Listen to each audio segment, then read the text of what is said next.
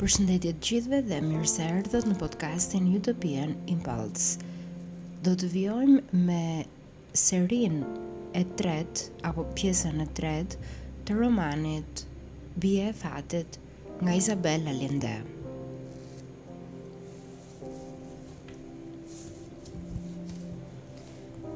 Karroca e dërguar nga Somerset mbërriti në hotel me gjysmë ore vonesë. Karrocieri ishte dehur, ca kishte kthyer disa gota, por Jacob Todi s'kishte ndonjë punë. Ai e çoi andej nga jugu. Kishte rënë shi disa orë dhe rrugët ishin bërë të pakapërcyeshme vende vende, ku pellgjet me ujë edhe me baltë fshihnin kurthe të rrezikshme, gropa, që me siguri mund të përpinin një kalë të pakujdesshëm.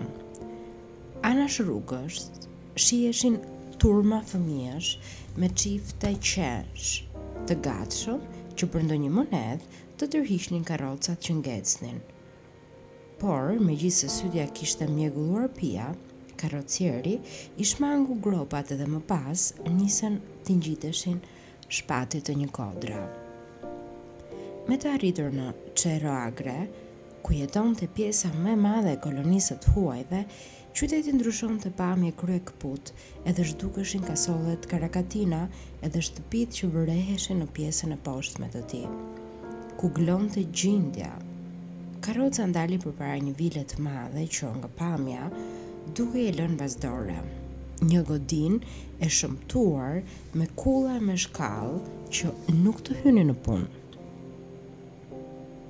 E ngulur midis rrafshesh të ndryshme toke, e ndriçuar me aq shumë flakadanë, sa që natës nuk i kishte mbetur tjetër, veçse të tërhiqej. Portën erdhi dhe e hapi një shërbyes indio, që kishte veshur një uniformë shumë të gjerë, Mbasi i mori pardesynë dhe kapelen, e përcolli Todin në një sallë të gjerë, të pajisur me orendi të punuara mirë, edhe me perde pakëz teatrore prej kadifeje të gjelbër, e mbingarkuar me zbukurime, edhe ku s'gjeje një centimetër të lirë. Mendoi se në Kili ashtu si edhe në Evropë, një faqe muri e zhveshur mund të merrej si një shenjë skamjeje dhe u bind për këtë shumë kohë më vonë, Kur vizitoi shtëpitë pa dritë të kilianëve. Tablot ishin varur me një prirje që të lejonte të soditeshin nga poshtë, edhe shikimi të tretej në gjysëmhijen e tavaneve të larta. Vatra madhështore ku digjeshin cungje të mëdhenj dhe Mangajt e ndryshëm me prush shpërndanin në mënyrë jo të barabartë një nxehtësi që s'i ngrohte aspak këmbët e ngrira, edhe që të përvëlonte kokën. Aty brenda kishte diçka, më shumë se një dyzinë njerëzish të veshur sipas modës evropiane, edhe disa kameriere me uniformë që vinin rrotull me tabaka nëpër duar. Xheremi dhe Xhon Somers i dolën përpara për ta pritur.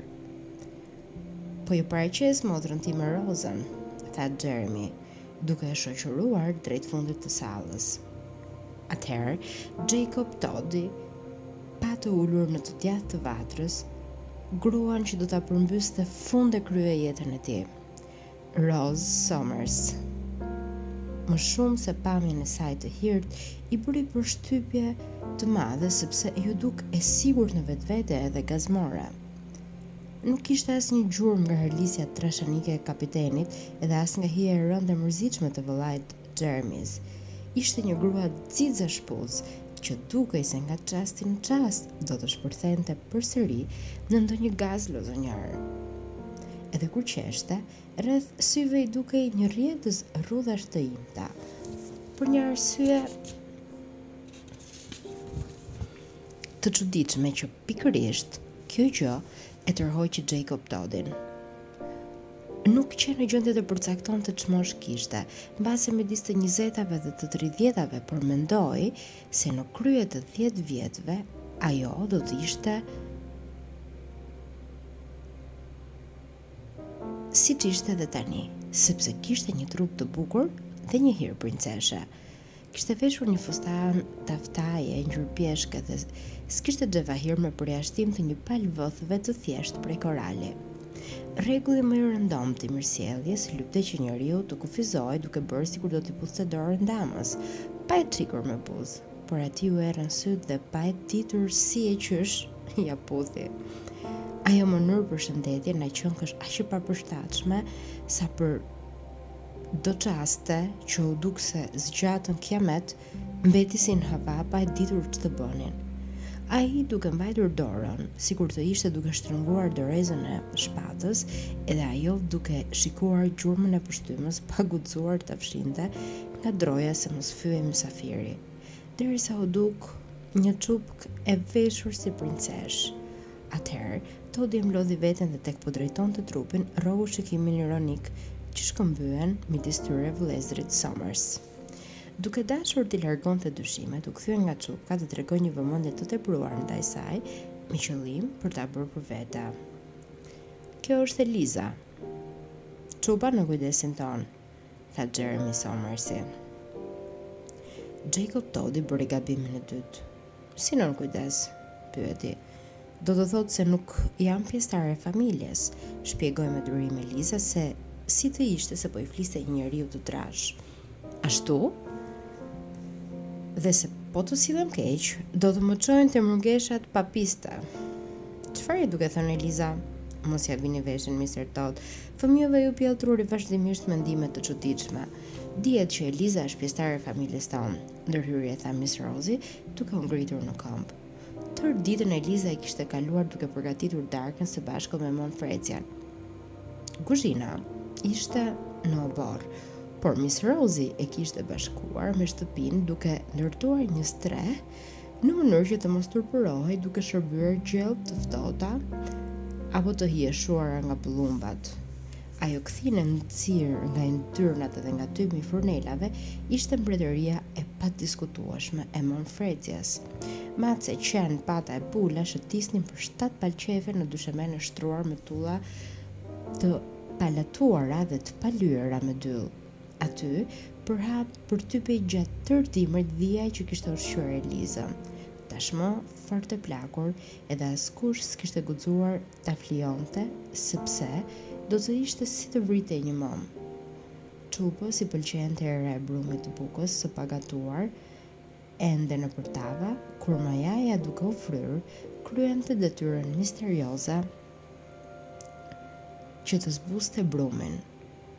Kundërmimi i sheqerit të shkrirë për të zbukuruar tortat, ai i leskrave të çokollatës që treteshin në qumësht, të mërkurave, që ishin ditët e caktuara për të mbledhur mysafirët, dy shërbyeset, indio të reja që jetonin në shtëpi, dhe punonin për të përgatitur hajet, pastronin argjendaritë, hekurosnin mësallat dhe i bënin pasqyrë xhamat.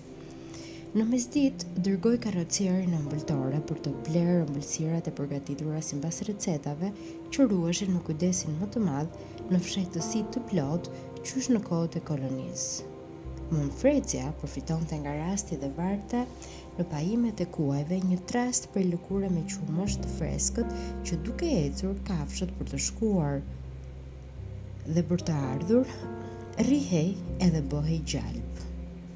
Në orën tre mbasdite, Miss Rozi thërriste Elizën në dhomën e vet, ku karrocieri bashkë me kamarierin vetiak kishin venduar qysh më përpara një vaskë banje prej bronzi me këmbë si të luanit. Shërbyeset e mbulonin pastaj me një çarçaf edhe e mbushnin me ujë të ngrohtë ku zhysnin Për t'i dhënë erë të mirë fletë menteje dhe rozmarine. Rozi dhe Eliza llokoçiteshin në të si dy fëmijë derisa ftohej uji.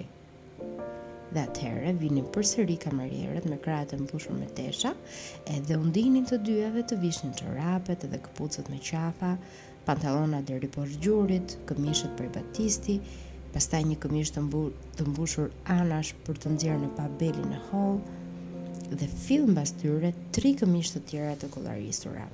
Në fund, i vinte radha fustanit, që u arrinte deri në fund të këmbëve, duke lënë zbuluar vetëm kokën edhe duart. Miss Rozi përdorte edhe një korsetë të ngurtë me përteka prej kocke balene, aq të shtrënguar sa nuk të lejonte të merrje frymë thellë dhe as t'i ngrinte krahët më lart se supet.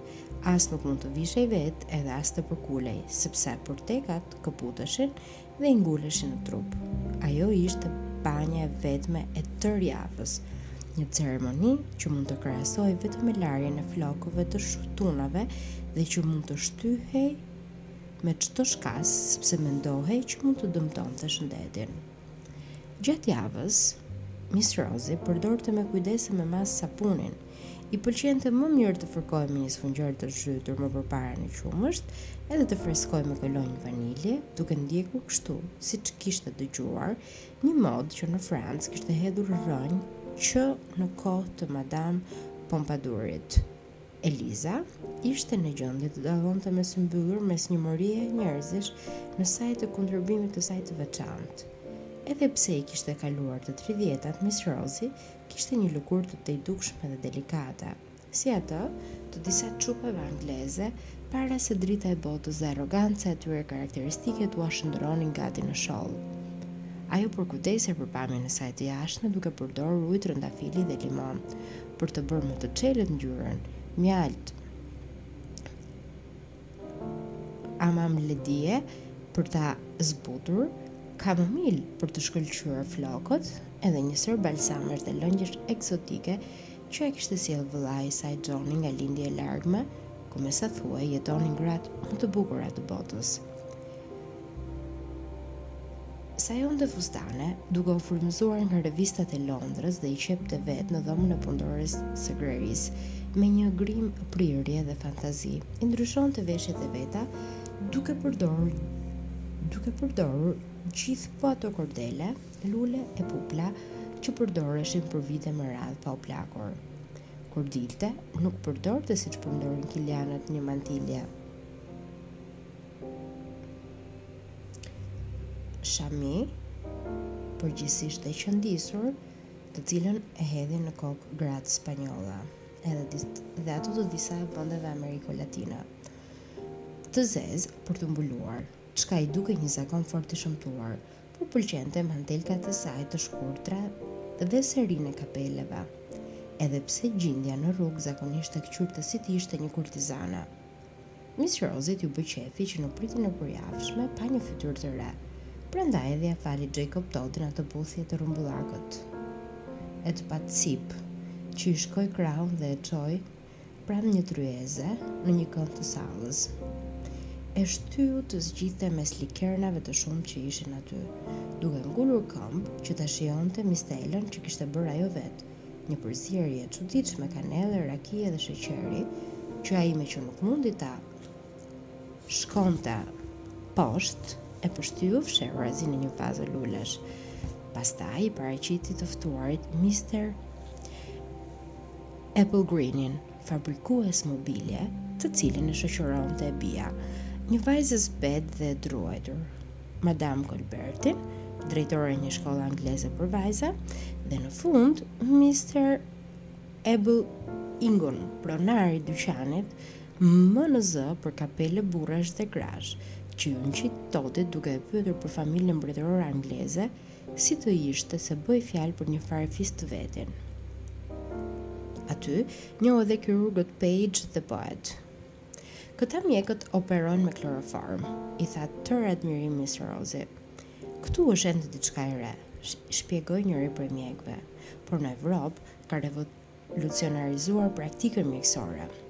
Me sa di unë, në Angli përdoret rëndom në obstet në obstetrikë, A nuk e përdori dhe mbretëresha Viktoria?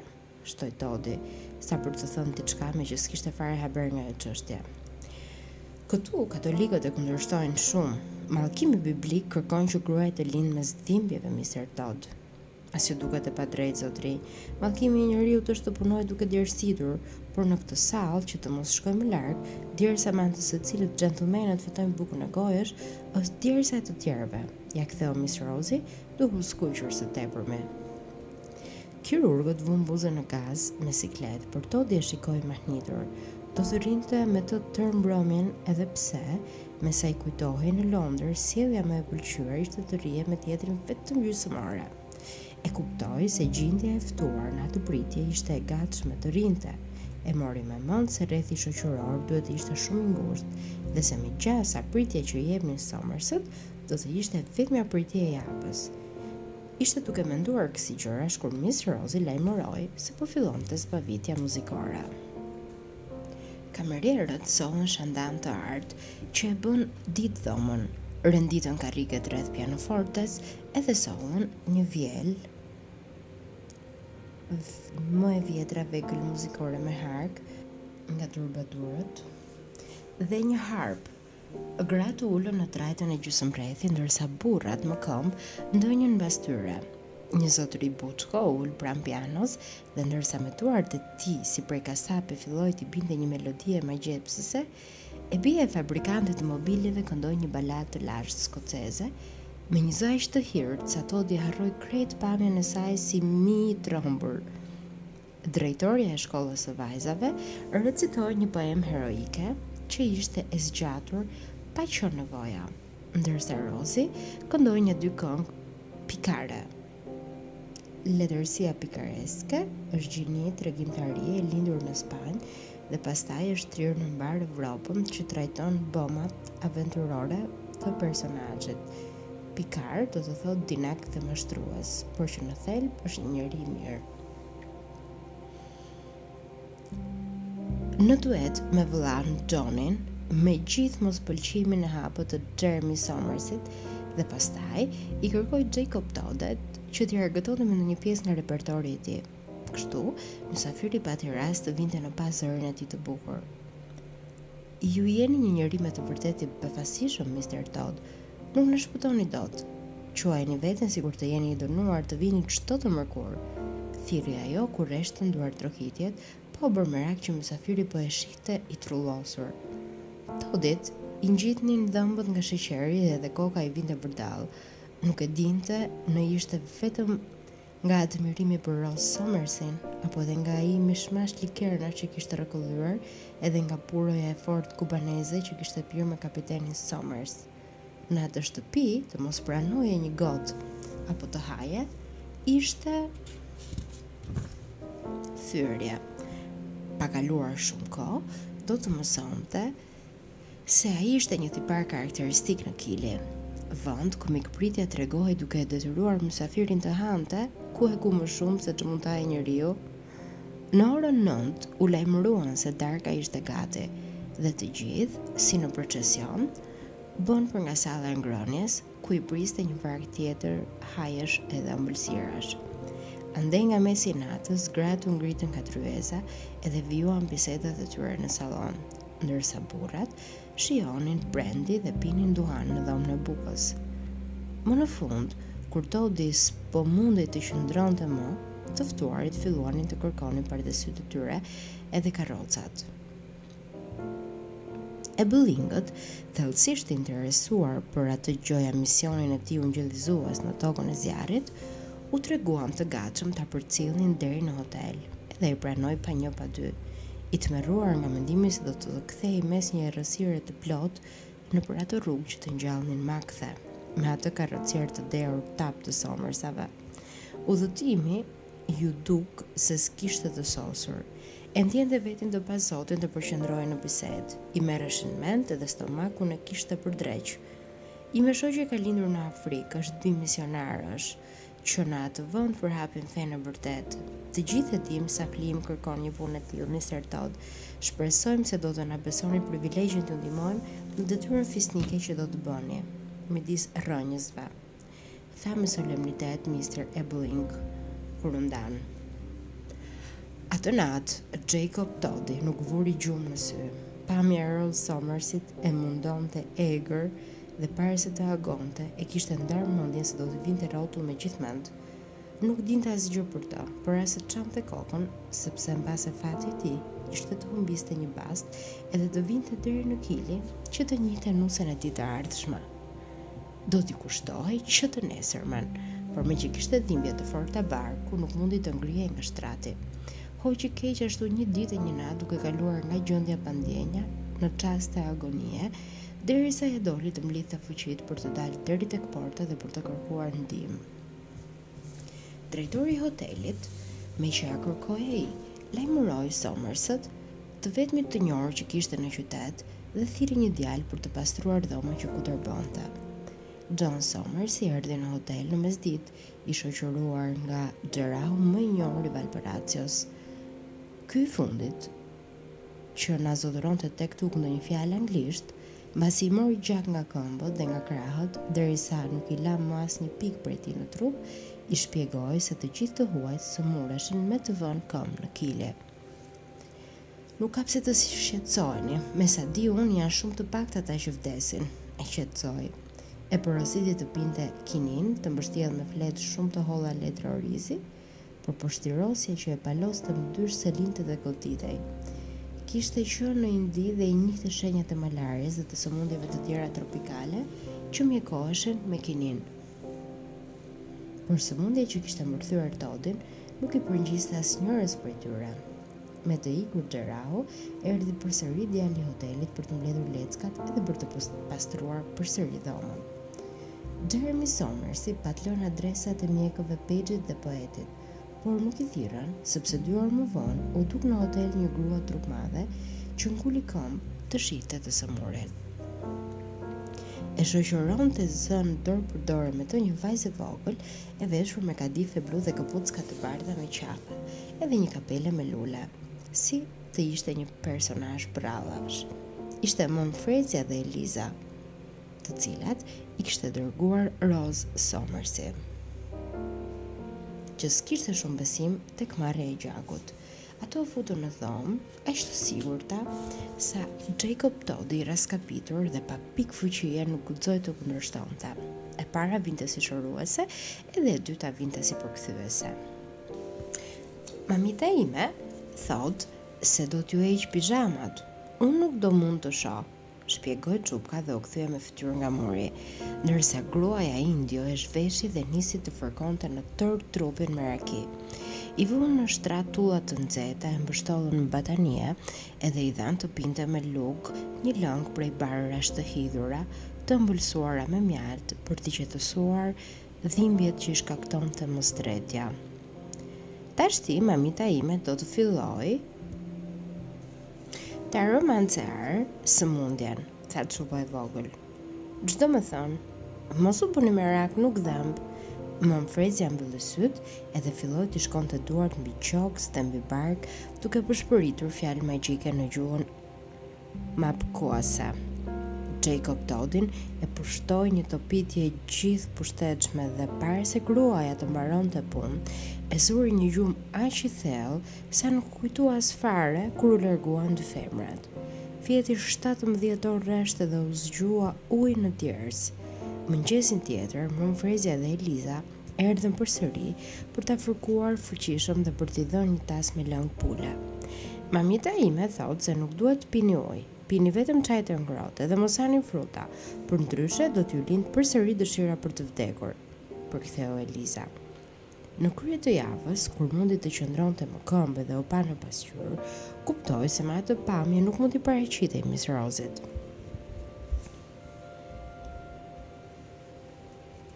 Kishte humbur shumë kilo në peshë, ishte tretur edhe nuk hidhte dot dy hapa pa u lëshuar mbi karrika, duke marrë frymë me vështërsi. Kur u ndje në gjendje t'i dërgonte një pusullë Miss Rozit për ta falënderuar që i kishte shpëtuar jetën edhe një kuti çokollatash për Mama Frezian dhe Elizën, mori vesh se ajo ishte nisur me një mikeshë edhe shërbyesen për në Santiago, një udhëtim plot rreziqe. Po të mendoje kushtet e këqia të rrugës dhe të klimës. Mis Rozi e bënte atë rrugë të gjatë 34 lega një herë në vit, gjithnjë në fillim të vjeshtës apo në mes të pranverës, që të shkonte në teatër, të dëgjonte muzikë të zgjedhur apo të bënte harxhin vjetor në magazinat e mëdha japoneze që kundërmonin jasemin edhe ndriçoheshin me llampa me gaz, me globe qelqi të kuqremtë, edhe ku blinin e blinte çikërrima që ishte e vështirë të gjendeshin në port, por kësaj radhe kishte një arsye të fortë që të shkonte në mes të dimrit. Do të pozonte për një portret. Për të mësuar artistët e vendit i ftuar nga qeveria kishte ardhur piktori i famshëm francez Monvuazeni, mjeshtri pikturonte vetëm fytyrën, kusuri ishte vepër e ndihmësve të tij, edhe për të fituar kohë dantellat i ngjitnin drejtpërdrejt në kuadër. Por, edhe me këto marifete batakçinjsh, asgjë nuk u jep te njerëzve më shumë prestigj sesa një portret me nënshkrimin e tij. Jeremy Somersi nguli këmbë që të kishte një portret të së motrës për ta vënë në ballë të sallonit. Kuadri kushtonte 6 oncë ari dhe një oncë tjetër për çdo dorë. Por për një rast të atillë nuk mund të kurseje. Siç thoshin klientët e tij, mundësia për të pasur një vepër autentike të të madhit Monvoisin Nuk paraqitej dy herë në jetë. Nëse shpenzimi nuk është një problem, atëherë dua që të më pikturojë me tri duar. Ka për të qenë kuadri i tij më i famshëm edhe do të ekspozohet në një muze në vend që të varet sipër vatrës tonë, kishte thënë Miss Rosie. Ai qe viti i përmbytjeve që u shkrua në librat shkollore dhe mbeti në kujtesën e gjyshërve. Shira të forta rrënuan qindra shtëpi. Kur më në fund u qetësua stuhia dhe niveli i ujërave filloi të binte, një varg lëkundjesh të vogla që Gjini përjetoi si të qenë ndëshkim hynor, shkatërruan plotësisht tërë ato që shiu kishte dobësuar edhe shkundur.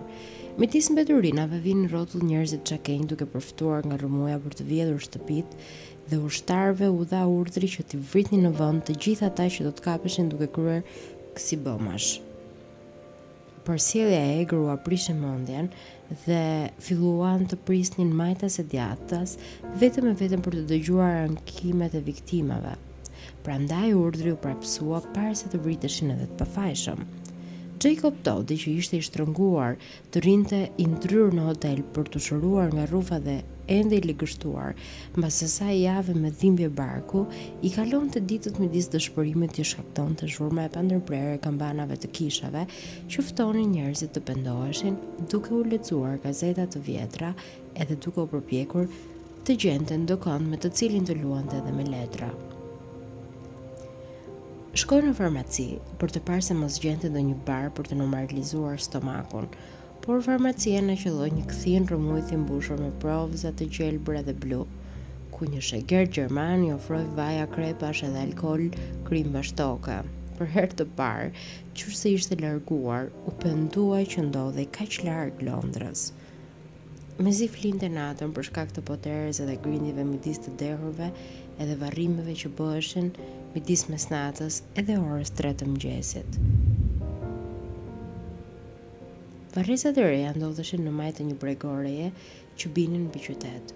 Kur plasi stuhia, u hapën goxha gropa dhe disa varre shkanë poshtë rrëpirës në një mishmash eshtrash që tërë të vdekurit i bëri njësh duke i lënë të gjithë pa dinjitet.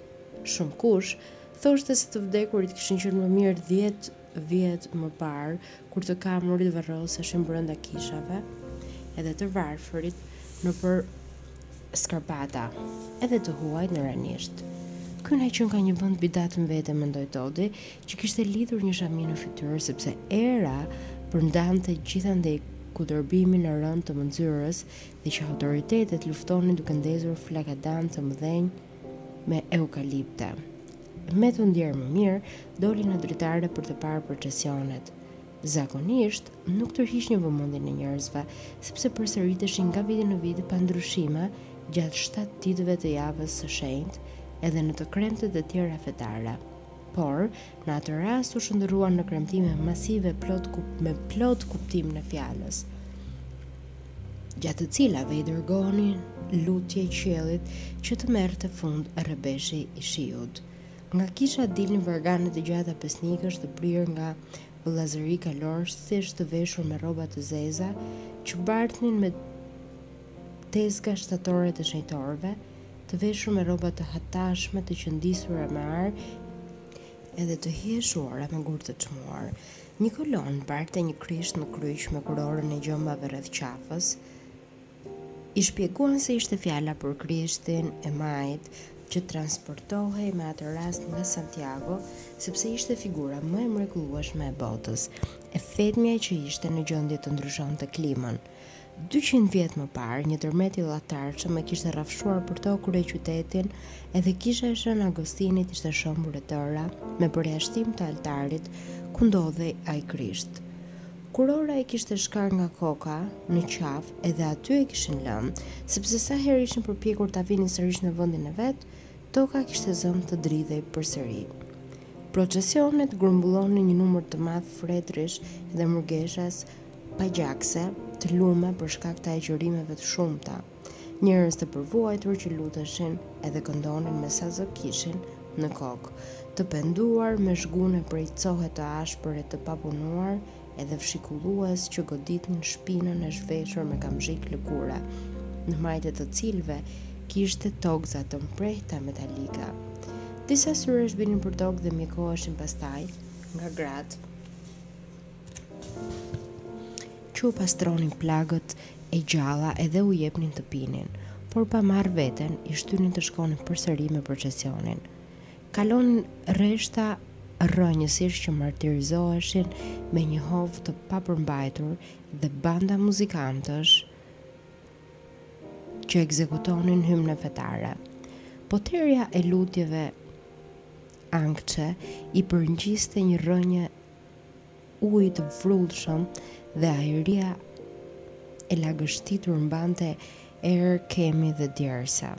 Kalonin procesione aristokratësh, të veshur tërë luks, por me të zeza dhe pa xhevahir, si dhe procesione të popullit të thjeshtë, të zbathur, të zhveshur me rrecka, që kryqëzoheshin në të njëjtin shesh, pa u çikur dhe pa u kashtisur. Dora-dorës që bënin përpara zhurma dhe shfaqjet e përdëllimit shtoheshin dhe bëheshin më të forta. Besnikët ulërinin duke kërkuar ndjesë për mëkatet e tyre, krejt të bindur se moti i keq ishte ndëshkimi hyjnor për gabimet e tyre. Të penduarit dyndeshin, por doli se kishat ishin të pakta dhe për t'u dhënë atyre mundësi të rrëfeheshin, disa meshtarë u vunë në rresht nën çadra e nën tenda të mëdha. Anglezit kjo shfaqje iu duk fort tërheqëse. Në asnjërin prej udhëtimeve që kishte bërë, nuk kishte parë një gjë kaq ekzotike dhe kaq të kopshme në të njëjtën kohë. I mësuar, siç ishte me përkorjen protestante, i dukej sikur qe kthyer në zemrën e mesjetës. Miqtë e tij në Londër nuk do të mund ta besonin kurrë. Madje edhe nga një largësi arsyetueshme mund të dëgjonte regëtimin si të një kafshe primitive mes dhimbjeve e vuajtjeve që përshkonte valë-valë atë rrëmet njerëzish. U ngjit me vështirësi mbi piedestalin e një monumenti në mes të sheshit të vogël, përballë kishës së Matrizit, nga ku mund të shihte tërë turmën. Befas ndjeu se po e tërhiqnin nga pantalonat. Uli sytë edhe pa një vajzë të trembur me një shami në kokë dhe me fytyrën gjak e lot. U hoq anash menjëherë, por ishte vonë, ia kishte ndotur pantalonat, shau me vete dhe u përpoq ta largonte duke ia bërë me shenjë, meqenëse nuk po i kujtoheshin fjalët e përshtatshme në spanjisht. Por u habit kur ajo iu përgjigj me një anglishte të kulluar se kishte humbur rrugën edhe ndoshta ai do mund ta përcillte në shtëpi. Ai e shikoi me shumë vëmendje. Jam Eliza Somersi. Më mbani mend? Mërmëriti çupka. Duke përfituar ngaqë Miss Rose ishte në Santiago për punën e portretit dhe që Jeremy Somersi, të cilit i qenë përmbytur bimsat e zyrave Dukej shumë rrallë në shtëpi ato ditë, i kishte shkrepur të shkonte në procesion dhe ia kishte marrë shpirtin mëmë Frezias aq sa kjo më në fund ishte dorëzuar. Zotërinjtë ia kishin ndaluar që të përmendte rite katolike apo të rrënjësve në sy të fëmijës, edhe aq më pak ta çonte për t'i parë, por edhe ajo vetë vdiste të shihte Krishtin e Majit të paktën një herë në jetën e saj. Vëllezërit Somers nuk do ta merrnin vesh kurrë, i kishte dhënë. karar. Kështu, ato të dyja ishin vjedhur heshturazi nga shtëpia dhe kishin zbritur më këmbë kodrën. Kishin hipur në një karro që i kishte lënë pranë sheshit dhe ishin bashkuar me atë grup indiosh të penduar. Gjithçka do të rridhte simbas programit, sikur në mes të rrëmujës edhe të rrëmetit që mbretëronte atë ditë, Eliza të mos i kishte shpëtuar nga dora e Mëmë Frezjas. e cila e rrëmbyer nga histerizmi kolektiv, as që ishte kujtuar. Kishte filluar të bërtiste por zëri i saj kishte humbur mes poteres së thirrjeve dhe të daulleve të vëllazërisë që binin vajtueshëm. Kishte filluar të vraponte duke kërkuar Dadon e saj, por nën mantiljet e errëta të gjitha gratë dukeshin njësoj. Ndërsa këmbët i shkisnin në kalldrëmin e mbuluar me baltë, me dyllë qirinjsh edhe me gjak, Mbas pak, varganet e ndryshme u bashkuan në një grumbullim të vetëm njerëzish që zvarritej si një kafshë e plagosur, ndërsa kambanat binin si të çmendura dhe fishat e barakave në port ushtonin me të madhe. Nuk qe në gjendje ta kuptonte Sa kohë kishte mbetur e ngërthyer nga llahtaria. Pastaj, dalëngadalë kishin filluar t'i kthjelloheshin mendimet. Ndërkohë, procesioni i përndezur ishte qetësuar, ishin gjunjëzuar të gjithë dhe mbi një podium përballë kishës, vetë ipeshkvi po çonte një meshë të kënduar. Eliza mendoi të shkonte nga Cerro Alegre, por pati frikë se mos e zinte errësira para se të arrinte në shtëpi. S'kishte dalë kurrë vetëm edhe nuk do ishte në gjendje të orientohej. Vendosi të mos lëvizte derisa të përndahej turma. Mbase atëherë Mëmë Frezja do ta gjente. Pikërisht atëherë kishte dalluar një burrë me flokë të kuq, Që ishte kacavjerrë në një përmendore në mes të sheshit edhe u kujtua se ai ishte i sëmuri për të cilin qe kujdesur bashkë me Dadon. Pa pikë ngurrimi kishte çarë rrugën derisa e kishte mbërritur. Ç'bën këtu, je plagosur? e pyeti ai. Kam humbur, a mund të më çoni në shtëpi? Jacob Todd e pastroi fytyrën me një shami dhe i hodhi një sy të shpejtë për t'u bindur se nuk kishte plagë të dukshme. Mendoi se gjaku duhet të ishte i atyre që fshikullonin veten me kamxhik. Po të çoj në zyrën e Mr. Somers. Por ajo iu lut të mos e çonte aty, sepse nëse kujdestari i saj do të mësonte se kishte qenë në një procesion, do ta përzinte Mëmë Frezjen. Todi filloi të këndonte se mos gjente ndonjë karrocë me qëra. Punë aspak e lehtë në ato çaste, ndërsa vajza ecte në krah duke i shtrënguar dorën. Për herë të parë në jetën e tij anglezi ndjeu dhimbshëri për atë dorë të vockël e të vaktë që shtrëngonte dorën e tij. Herë mbas here e shikonte fshehurazi i prekur nga ajo fytyrë fëmijërore me sy të zinj si bajama. Më në fund, hasën një karro të tërhequr nga dy mushka, edhe karrocieri pranoi që t'i çonte në kodër me dyfishin e tarifës së zakonshme. E bënë rrugën pa folur dhe mbas një ore, Todi e la vajzën përballë shtëpisë. Ajo e përshëndeti duke falënderuar, por nuk e ftoi të hynte brenda. Ai shikoi tek po largohej ai send i vogël edhe i brishtë, i mbuluar deri në fund të këmbëve nga mantilja e zezë. Përnjëherësh, e papritur, vajza bëri një gjysëm rrotullim, vrapoi drejt tij, i hodhi krahët në qafë edhe e puthi në faqe. Faleminderit, i tha edhe një herë. Xhejkob Todi u kthye në hotel, po me atë karro. Kohë mbas kohe prekte faqen i befasuar nga ajo ndjenjë e ëmbël edhe e trishtë që i ngjallte çupka.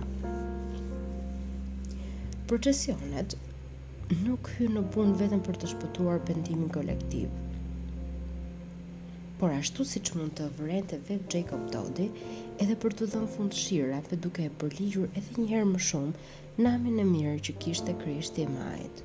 Pa kaluar dyzet e tetë orë qielli u kthjellua edhe doli një diell i mekët që solli një notë optimizmi mes vargut të fatkeqësive të atyre ditëve. Për shkak të stuhive dhe të epidemive, kishin kaluar nëntë javë para se të fillonin pritjet e të mërkurave në shtëpinë e Somersve. Edhe u desh të kalonin edhe disa të tjera para se Xhejkob Todi të mund të hidhte fjalën larg e larg rreth ndjenjave të tij duke folur me Miss Rozin. Kur më në fund e ndau mendjen, ajo u shtir sikur s'kishte dëgjuar gjë. Por kur e pa veten ngushtë nga këmbgulja e tij, dha një përgjigje aspak të kënaqshme. E vetmja e mirë e martesës është vejëria, tha. Burri është si puna e rrobave, sado të këqija qofshin, gjithsesi të veshin, ia ktheu ai, pa i prishur qefin. Jo për mua, Burri për mua ka për të qenë një pengesë, edhe s'do mund të më japë asgjë që të mos e kem. Ndoshta fëmijët? Po sa vjeç mendoni se jam Mr. Todd? Jo më shumë se 17. Mos u tallni me mua, për fat të mirë kam Elizën. Unë jam kokfort, Miss Rose, nuk dorëzohem kurrë. Ju jam mirënjohës, Mr. Todd. Gjithsesi, Rose u bë shkak që Jacob Toddi mbeti në Kili përtej tre muajve të caktuar për shitjen e Biblave. Somersët u bënë një ndërmjetës shoqëror i përsosur dhe falë atyre iu hapën me lehtësi dyert e kolonisë së mbrothët të huaj që u tregua e gatshme ta ndihmonte në atë mision fetar në tokën e zjarrit. i vuri vetes për detyrë të dokumentohej në lidhje me indiot patagonas, por, mbasi u hodhi një vështrim të përgjumur disa broshurave të bibliotekës, e kuptoi se nuk kishte rëndësi të dinte apo të mos dinte. Meqenëse padija ishte një dukuri e përgjithshme, mjaft të thoshte atë që gjindja kishte dëshirë të dëgjonte Dhe për të bërë një gjë të tillë mund të mbështetej në aftësinë e tij komunikuese. Që t'ua shiste biblat klientëve të fuqishëm kilianë, iu desh të përmirësonte spanjishten e tij të çalë. Falë dy muajve që kishte jetuar në Spanjë dhe veshit të tij të aftë, ia doli të mësonte më shumë edhe më shpejt nga ç'kishin bërë shumë anglezë që kishin ardhur në Kili këtu e njëzet vjet më parë. Në fillim, i mbajti të fshehura mendimet e tij politike shumë liberale, por vuri re se në çdo takim shoqëror e bombardonin me pyetje dhe se gjithnjë kishte përballë një rreth dëgjuesish që mbeteshin gojëhapur. Fjalimet e tij në favor të heqjes së skllavërisë mbi barazinë dhe demokracinë, sikur i shkundnin dhe i sillnin në vete ata njerëz të mirë, bëheshin shkas që burrat të diskutonin pafund dhe gratë në moshë të bërtitnin të tmerruara. por i tërhiqnin jashtë mase më të rejat. Opinioni i përgjithshëm e cilësonte si një fanatik edhe idetë e tij zjarrvënëse, quheshin zbavitëse. Ndërsa tallja që i bënte familjes mbretërore angleze nuk u pëlqente kurrsesi pjesëtarëve të kolonisë angleze, për të cilët Mbretëresha Viktoria ishte e paprekshme, sikurse Zoti edhe Perandoria. Të ardhurat e tij të thjeshta por krejt të mjaftueshme, i lejonin të bënte një jetë të rehatshme, pa qenë nevoja të punonte seriozisht, edhe kjo e rendiste në kategorinë e fisnikëve.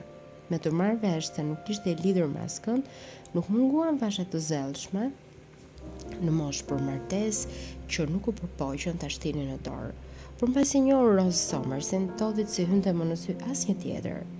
Me qindra herë kishte pyetur veten pse vallë ajo vajzë kishte mbetur beqaresh dhe vetmja përgjigje që mundi të gjente ai agnostik ishte se fati ia kishte ruajtur atij. Deri kur do të më mundoni Miss Rose? Nuk keni frikë se një ditë do të lodhem duke ju rënë pas? Bënte shaka me të.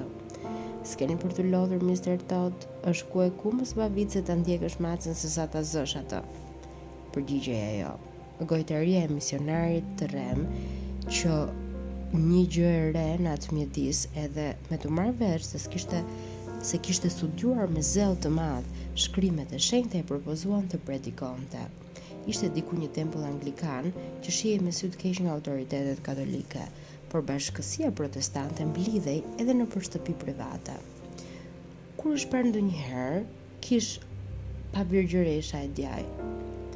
Gringot janë të gjithë heretikë, nuk e besojnë papën, nuk dinë të luten, e kalojnë kohën duke kënduar dhe s'marrin as kungim, dërdëlliste mama Frezia e skandalizuar, Kur u takonte Somërsve të organizonin celebrimin e së dielës, Todi u përgatit ta komentonte përmbledhurazi arratisjen e hebrenjve nga Egjipti, që pastaj t'i referohej gjendjes së mërgimtarëve, të cilët sikurse hebrenjtë e Biblës, duhej që të. mësoheshin në dhe të huaj, por Jeremy Somersi ia paraqiti publikut si një misionar dhe i kërkoi që të fliste për indiot e tokës së zjarrit.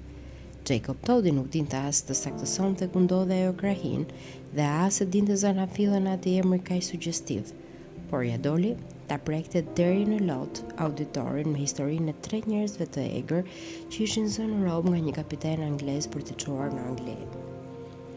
Brenda më pak se tre vjetëve, ata fatëzinj të shkretë që jetonin çupalak në të ftohtin e acartë edhe kryenin akte kanibalizmi, nisën të sorollateshin të veshur si duhet. Ishin shndërruar në kristianë të mirë edhe kishin mësuar mënyrat e sjelljes së njerëzve të qytetëruar, deri aty sa të çmonin kuzhinën angleze. por nuk e tha, gjithsesi, se me të vënë përsëri këmbë në vendin e tyre, iu kthyen zakoneve të vjetra, sikur të mos i kishte çikur fare Anglia, apo fjala e Jezusit. Me propozimin e Jeremy Somersit, u organizua aty për aty një fushatë për të financuar përhapjen e fesë. Rezultatet qenë aq inkurajuese sa të nesërmen Jacob Todi qe në gjendje që të hapte një llogari rrjedhëse në degën e Bankës së Londrës në Valparaiso. Kjo llogari i majmej çdo javë nga ndihmesat e protestantëve edhe shkonte duke u shtuar. Me gjithë shumat që tërhiqte Todi për të financuar shpenzimet e tij vetjake, kur të ardhurat e tij nuk arrinin t'ia mbulonin. Sa më shumë pare depozitoheshin, aq më shumë shtoheshin pengesat dhe shkaset për ta shtyrë edhe më misionin ungjillizues. Kështu, kaluan dy vjet. Në Valparaiso, Jacob Todi nisi të ndihej fort mirë, sikur të kishte lindur në atë vend. Kilianët dhe anglezët kishin shumë tipare të përbashkëta karakteri. I zgjidhnin të gjitha gjërat me avokat dhe me kujdestar falimenti. Ishin njerëz të kapur mbas shprehive dhe të lidhur deri në absurditet me traditën edhe simbolet e atdheut. Krenoheshin që ishin individualistë edhe kundërshtarë të mburrjes dhe të të shiturit mend, që i përçmonin si simbolet e arrivizmit shoqëror, Në dukje ishin gjithë mirësjellje dhe të përmbajtur, por ishin të zotë të kryenin edhe mizori. Ndryshe prej anglezëve, kilianët kishin tmerr të silleshin jo si bota dhe të binin në sy. Frika më e madhe e tyre ishte të bëheshin qesharakë. Po të flisja një kastiliançe të përsosur, mendonte Xhejkob Todi, do ta ndjeja veten për një mend në shtëpi. Ishte rregulluar në pensionin e një vejushe angleze, që strehonte macet dhe që gatuante tortat më me nam në mbarë portin. Flinte bashkë me katër mace në shtrat, me një shoqëri aq të mirë që s'e kishte patur kurrë në jetë, edhe çdo mëngjes në sillë shijonte tortat e hatashme të zonjës së shtëpisë. Vendosi lidhje me kilianë të çdo klase shoqërore që nga më të thjeshtët, të cilët i njihte kur u dilte për predikim nëpër mjediset fundërrinë të portit, deri te më të ngriturit nga pikëpamja shoqërore. Jeremy Somersi e paraqiti në klubin e bashkimit, ku u pranua si anëtar i ftuar. Vetëm të huajt që pranohej se kishin rëndësi shoqërore, mund të gëzonin një privilegj të tillë. Meqë ishte punë për një enklav pronarësh toke dhe politikanësh konservatorë, ku vlera e pjesëtarëve matej nga mbiemri që mbanin, portat iu hapën tejendanë në sajë të aftësisë së tij në lojën me letra dhe me zare. Humbiste me aq hir sa ishin fare të pakët ata që kujtoheshin se sa fitonte. U bë mik me Agustin del Valle, pronar tokash bujqësore në ato anë, edhe kope me dhen në jug, ku s'kishte shkelur kurrë sepse mbështetej mbi fermerë të ardhur posaçërisht nga Skocia. Kjo miqësi e re i dha dorë të vizitonte banesat e zymta të familjeve aristokrate kiliane, ndërtesa katrore të errëta me dhoma të gjëra përgjysmë bosh të mobiluara pa sqim, dhe me orendi të rënda, me shandanë mortorë edhe me një sërë kryqesh të përgjakur, virgjëreshash prej allçie dhe shenjtorësh të veshur si fisnikë të kahershëm spanjollë. Ishin shtëpi të projektuara duke patur parasysh pjesën e tyre të brendshme, Të mbyllura nga ana e rrugës me ndërlikë hekuri, shtëpi aspak të rehatshme fshatarake, por që kishin korridore të freskëta dhe oborre të brendshme të mbushur me jaseminë, portokalle edhe shkurre trëndafilesh. Kur shpërtheu pranvera, Augustin del Valle i ftoi Somersët dhe Jacob Todd-in në njërin nga çifligjet e tij. Udhëtimi shkoi për dreq. Një kalorës mund ta bënte atë rrugë Në katër apo pesë orë, por karvani i familjes dhe i miqve u nis në të gdhirë dhe arriti në shtëpi natën vonë. Familja Del Valle zhvendosej nga njëri vend në tjetrin me qerre të tërhequra me qe ku kishte tryeza dhe divane me pelush. Mbrapa tyre vinte pastaj një vargan mushkash që mbartnin valixhet si dhe mëditës në kuaj të armatosur me dyfekë të vjetër për t'u mbrojtur nga komitët, që zakonisht zinin pritë nëpër bërrylat e rrugës. Ngadalësisë sfilitëse të kafshëve i duheshin shtuar gropat e rrugës, ku shtisat e qerreve shtrembëroheshin si dhe ndalesat e shumta për t'u çlodhur, gjatë të cilave shërbëtorët shërbenin kaçilet me ushqime mes resh me miza. Todi nuk kishte haber nga bujqësia, por mjaftonte të hidhje një shikim për të kuptuar se në atë tokë të pleshme mbretëronte bollëku. Frutat binin nga pemët e kalbeshin përdhe dhe askush s'e merrte mundimin që t'i mblidhte. Në çiflig gjeti përsëri po atë stil jete që kishte parë shumë vite më parë në Spanjë, një familje e madhe e bashkuar nga lidhje të ngatërruara gjaku edhe nga një kod nderi i pacënueshëm. I zoti i shtëpisë ishte një patriark i fuqishëm, si feudalët, që mbante fort në dorën e tij fatet e pasardhësve të vet, dhe që tregonte me një mburrje arrogante një dru gjenealogjik që niste me pushtuesit e parë spanjollë. Stërgjyshët e mi, tregonte, përshkuan më shumë se 1000 kilometra të veshur me armore të rënda metalike, kapërcyen male, lumenj dhe shkretëtirën më përvëluese të botës për të themeluar qytetin e Santiagos. Brenda familjes, ai ishte simboli i autoritetit edhe i dinjitetit, Por jashtë klasës së tij kishte namin se ishte një rezil e kopuk. Flitej se kishte një shpurë me kopila dhe namin e keq se kishte hequr qafe më shumë se një çifçi gjatë atyre çasteve legjendare të mërisë së tij. Por këto vdekje, ashtu sikundër shumë mëkate të tjera nuk i përmendte kush. Edhe pse i kishte mbushur të dyzetat, e shoqja dukej një grua e moshuar, që dridhej e tëra dhe e nënshtruar, gjithmonë në zi për fëmijët e vdekur në moshë të njomë, dhe që e mbyste pesha e korsesë, e fesë, edhe ai burrë që i kishte caktuar fati. Fëmijët meshkuj e kalonin jetën e tyre të plogët midis meshash, shëtitjesh, duke fjetur mbas buke, duke luajtur, duke u zdërhallur, ndërsa vajzat lundronin si nimfa misterioze nëpër dhoma e kopshtije, midis fëshfërimës së veshjeve të brendshme, gjithmonë nën syrin vigjilent të guvernantes. Qysh fëmijë ishin përgatitur për të bërë një jetë të virtytshme. fetare edhe plot vetëmohim, fati i tyre ishte martesa me leverdi edhe mëmësia. Në fshat panë një korridë demash që nuk i përngjante as edhe larg e larg shfaqjes së hatashme që kishte parë në Spanjë.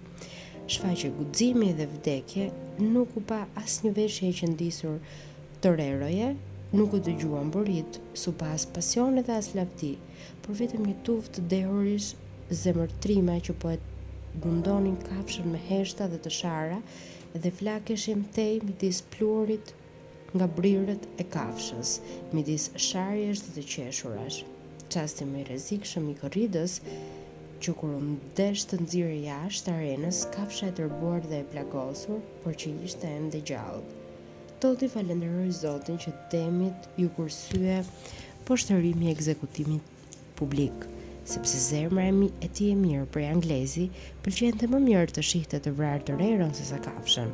Mbas dite burrat luanin letrash edhe nderoheshin si të qenë princa nga një turmë kamerierësh të zymtë dhe të përvuajtur, të cilët nuk i shqisnin sytë nga toka dhe që s'ngrinin zërin, por flisnin duke mërmëritur.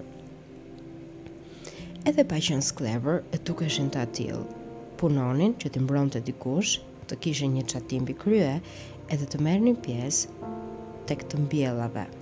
Teorikisht ishin të lirë, por rrinin me padronin edhe pse ai ishte një despot dhe kushtet e jetesës ishin të vështira. Nuk dinin ku të shkonin. Skllavëria ishte hequr dhjetë vjet më parë Pa zhurmë e bujë, tregtimi i afrikanëve në ato zona ku s'kishte plantacione nuk kishte qenë kurrë fitimprurës, por askush nuk e denonconte fatin e indiove, të cilëve u ishin marrë tokat dhe qenë katandisur të jetonin në mjerim,